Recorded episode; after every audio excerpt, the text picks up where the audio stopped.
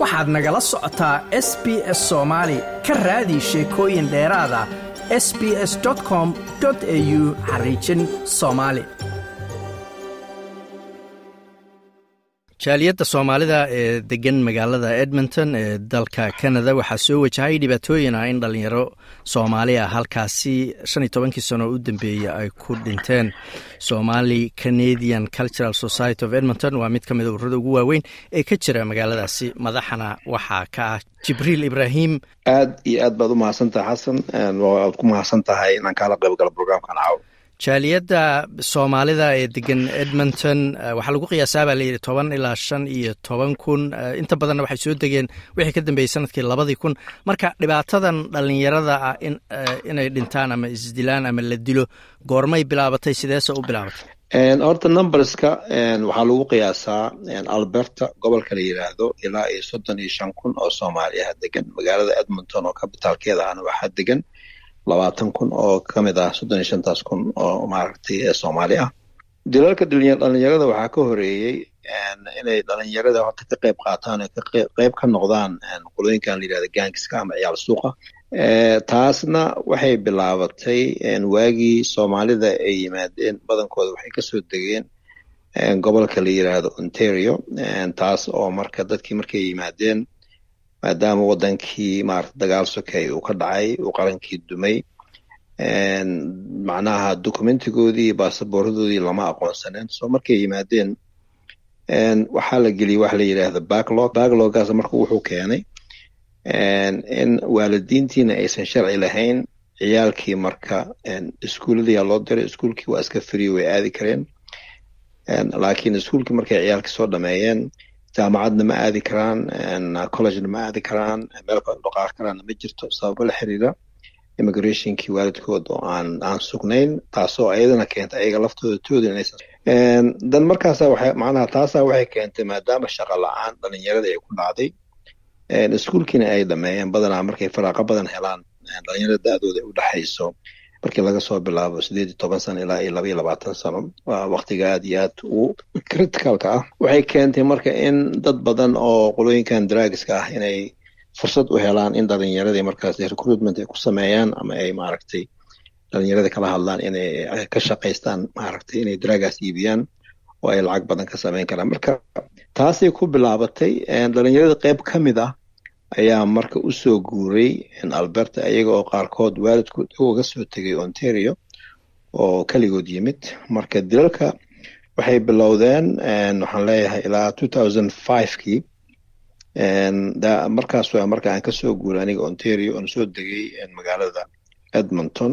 Waxaan garanayaa usbuuc walba waxaa la arki jiray laba dhalinyara oo soomaaliya la dilay marka ilaa iyo hadda ilaa sanadahaas arrintan ay bilaabatay ma la ogyahay tirada dhalinyarada lagu dilay edmonton kaysaskoodase kulligood ma la xaliyey oo ma la helay dadkii ka dambeeyey dilalkooda? Dhalinyarada dhimatay waxaa lagu qiyaasaa ilaa iyo toddobaatan. Badankoodana waxaa lagu duugay magaalada edmonton oo qabuuraha muslimiinta ay ku duugan yihiin oo dadka qabuuraha waad arkaysaa magacyadooda siday u taxan yihiin meesha marka waxaa lagu qiyaasaa ilaa iyo toddobaatan meeyo inay gaarayaan toddobaatan toddobaatan iyo labo meelahaas up this point. Waa garta marka dhimashadaas kadib jaaliyadda ururka adigu aad madaxda ka tahay iyo dowladda iyo booliska arrimahaas maxay ka qabteen oo ugu waaweynaa ama wadahadaladii laga yeeshay maxay ahaayeen? Waxyaabaha ugu waaweyn oo oo maaragtay waxyaabaha keena horta maxaa ka mid a marka ugu horeysa waa in laga hadlaa coosaskii mogtahay ma garatay waxyaabaha badankooda keena waxa waaye familigii ama reerihii oo aan maarata odagii islaantii oon sidii loogu talagalay aan u wada shaqayn karin oo sababo la xiriira dhaqaale xaggooda dhaqaalayo iska xun. Dhibaatooyin badan oo maarata qaxootinimo ahaantaas ay kala kulmeen. Shaqa la'aan raggii ku dhacday adiga maarata markii waxyaalahaas da'aan waxay keentay markii reerkii uu burburo. Burburka reeraha ayaa wuxuu keenayaa marka dhalinyaradii inay firaaqa helaan sababo la xiriira hooyadii waxaa laga yaabaa inay shaqa aaday oo aysan waqti u haynin inay supervise garayso. Marka waxyaalahaasaa keena in dhalinyaradii markaas ay suuqa macnaha suuqa galaan. Maxaa laga qabtay? Waxyaabo badanaa laga qabtay oo markii aan aragn dhimashadii inaysan istaagaynin oo aad iyo aad u sii kordhayso. Waxaa la isku dayay marka in brograamyo la sameeyo maadaama badankooda ay dhibaato ka haysatay waxbarashada oo wadankii qaarkood xeryo qaxooti bay ka yimaadeen oo aad bay u liidatay dhankaasaan waxaan isdhahnay marka badanaa waxaa keeni kara ciyaalkii iskuulkii duroobgareeya inay gaangis ku biiraan. Marka in iskuullada lagu hayo xal xal ka mid ahay noqotay. Xalkii marka wuxuu noqday in shanta maalmood macnaha usbuuciba homework club loo sameeyo oo dhalinyaro qaar jaamacadda ka yimid ay yimaadaan meesha iyo tutoring wax loo sameeyo si dadka markaas maad waxbarashadooda kor loogu qaado. Taas marka waxay keentay in dhalinyaro aad iyo aad u tiro badan ay ka faa'iidaystaan oo ay jaamacadaha ka soo baxaan haba u badnaadeen gabdho taas waa mid. Tan labaad waa samarka badanaa dhibaatooyin badanoo waxaa jira. Labada bilood oo iskuulka fasax laga yahay waxay keentaa maaragtay in dhalinyaradii ay faraaqa helaan oo ay moolasha tagaan oo markaas maaragtay criminal activity iyaga oo maaragta wax ay qabtaan waaye inay sameeyaan. Taasna waxaan kula dagaalnay marka inaan sameyno program kale oo la yiraahdo summer programs oo maaragtay six weeks waxaa loo sameeya day camps oo ah subaxda in hooyooyinka iyo aabayaasha ay ciyaalkooda keeni karaan iskuulla loogu talagalay. Galabtiina saddexda galabnimona ay meesha ka qaadan karaan. Kaas markuu dhammaado ilaa lix usbuuc oo kale markuu dhammaado.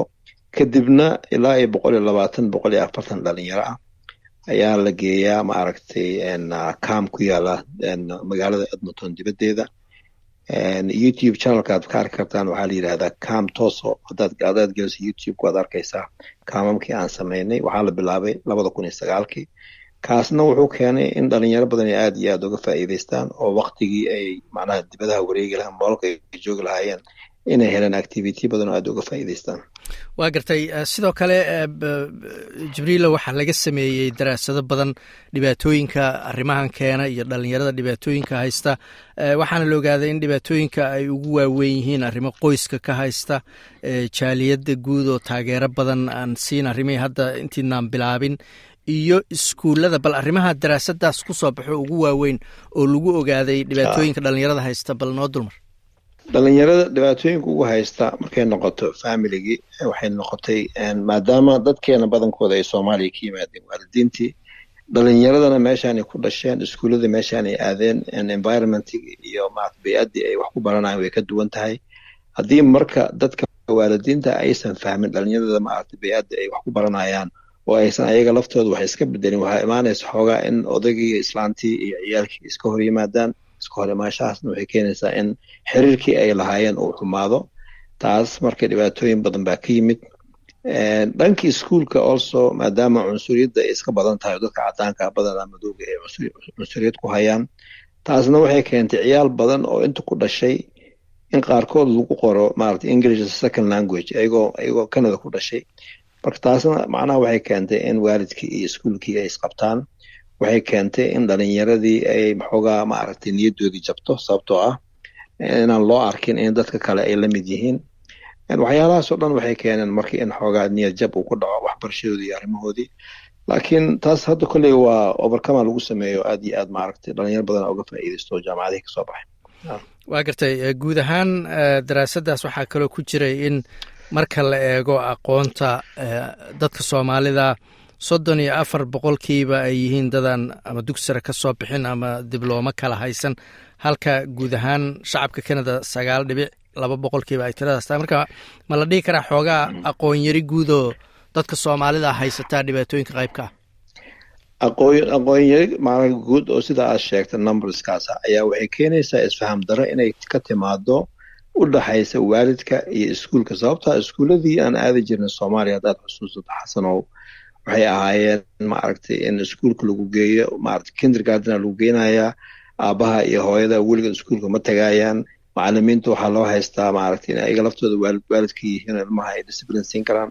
Laakiin wadamadii aan imaanay way ka duwan tahay waxaa lagaaga baahan yahay waalidkii inuu twenty four hours iskuulkii la socdo homework la soo qoray inuu online ka fiirin karo. Taas lafteeda waxay keenaysaa challenge badan ay u keentay waalidiinta badankooda ma yaqaanaan internetkii iyo computerkii wax sida loo isticmaalo waxyaabahaas isu tegtegay marka waxaan ka samaynay taas lafteeda inaan siinay maaragtay training badan inaan siinay ku saabsan in dhaqankaasi ay wax ka bedelaan iskuulka laftoodana waxay u qaateen waalidiintan inaysan waxbarashaba aysan faa'iido badan aysan u arkin oo maadaama iskuulka aysan imanaynin. Macalimiintii iyo school administrationkana waxaan barnay ayaga laftooda inay fahmaan dadka inay ka yimaadeen. Duni ka duwan dunidan oo maaragta sidaas uu fahamkoodu yahay oo ayagana ay xoogaa waqti siiyaan. Inta aan maaragta waalidiintaas aan wax ka barayn wax ka fahmayaan. Marka taasna way nala qaateen ayaga laftkooda fahamkooda aad iyo aad buu wax isaga bedelay marka arrimahaas o dhan aa la sameeyey aad iyo aad maan u caawinay. Waa gartay guud ahaan bulshaweynta canada ma jirtaa takoor ama cunsuriyad badan oo dhalinyaradaas ama soomaalidu guud ahaan ay kala kulmaan? Takoor aad iyo aad u badan wuu jiraa sababo la xiriira maadaama dilkii uu batay haddana mediaha laftooda ayaga laftooda aad iyo aad maaragtay dhibaatooyin badan naga qabsaday sababtoo ah markii laba qof dhimata waxay leeyihiin labadaas dhimatay oo la dilay gaangiskaas waxay ka yimaadeen soomaalida. Dhibaatooyinkaas ayaa marka waxay keeneen in soomaalidii dhalinyarada laftooda ay ka carara inay soomaali yihiin qaarkood ay sheegan waayaan. Taas marka arrintaasna waxaan ka qabanay media baan kulan la qaadana u sheegnay dhibaatooyin badan inay naga soo gaareen oo aanan u dulqaadan doonin magaca soomaaliga in sidaasoo kale loogu ciyaaro.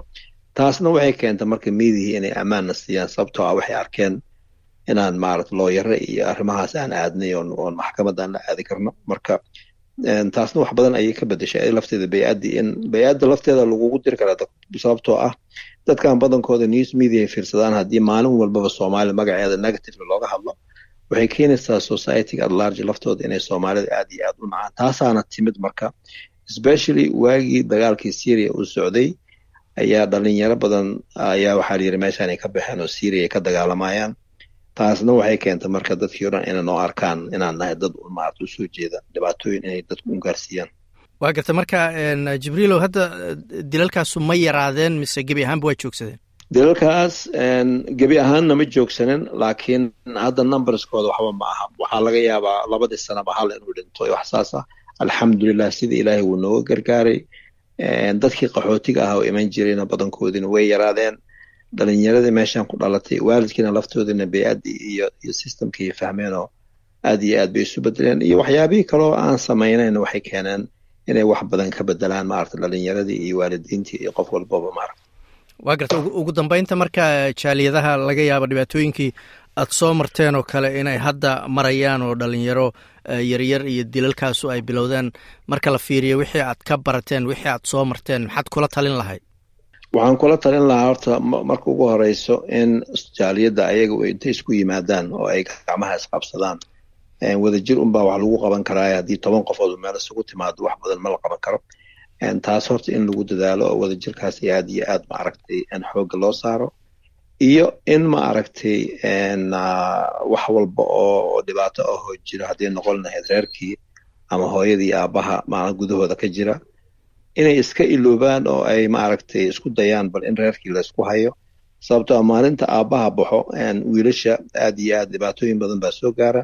Hooyo keligeed wiil ma korin karto. Marka waa inaan taas horta aan ogaanaa oo hooyooyinkana ay fahmaan. Marka in in laga fogaado in furiinka uu bato sida aad aragtay dheytada boqolkiiba shan iyo labaatan dadka degan soomaalida edmonton waa single mothers marka waa inaan iska yareynaa in single mothernimada ay nagu badato. Dad badan oo dadyow badan oo ajaaniba way yimaadaan oo hindi ahoo chinese ahoo vietnamese haddana maaragtay dhibaatooyinkana haystana way haystaan haddana furiinkooda sida annaga aan nahay oo kale maaha waa inaan aad iyo aad arrintaas uga fikirnaa kaasina waxa uu ahaa jibriil ibraahim oo madax u ah ururka somali canadian cultural society of edmonton.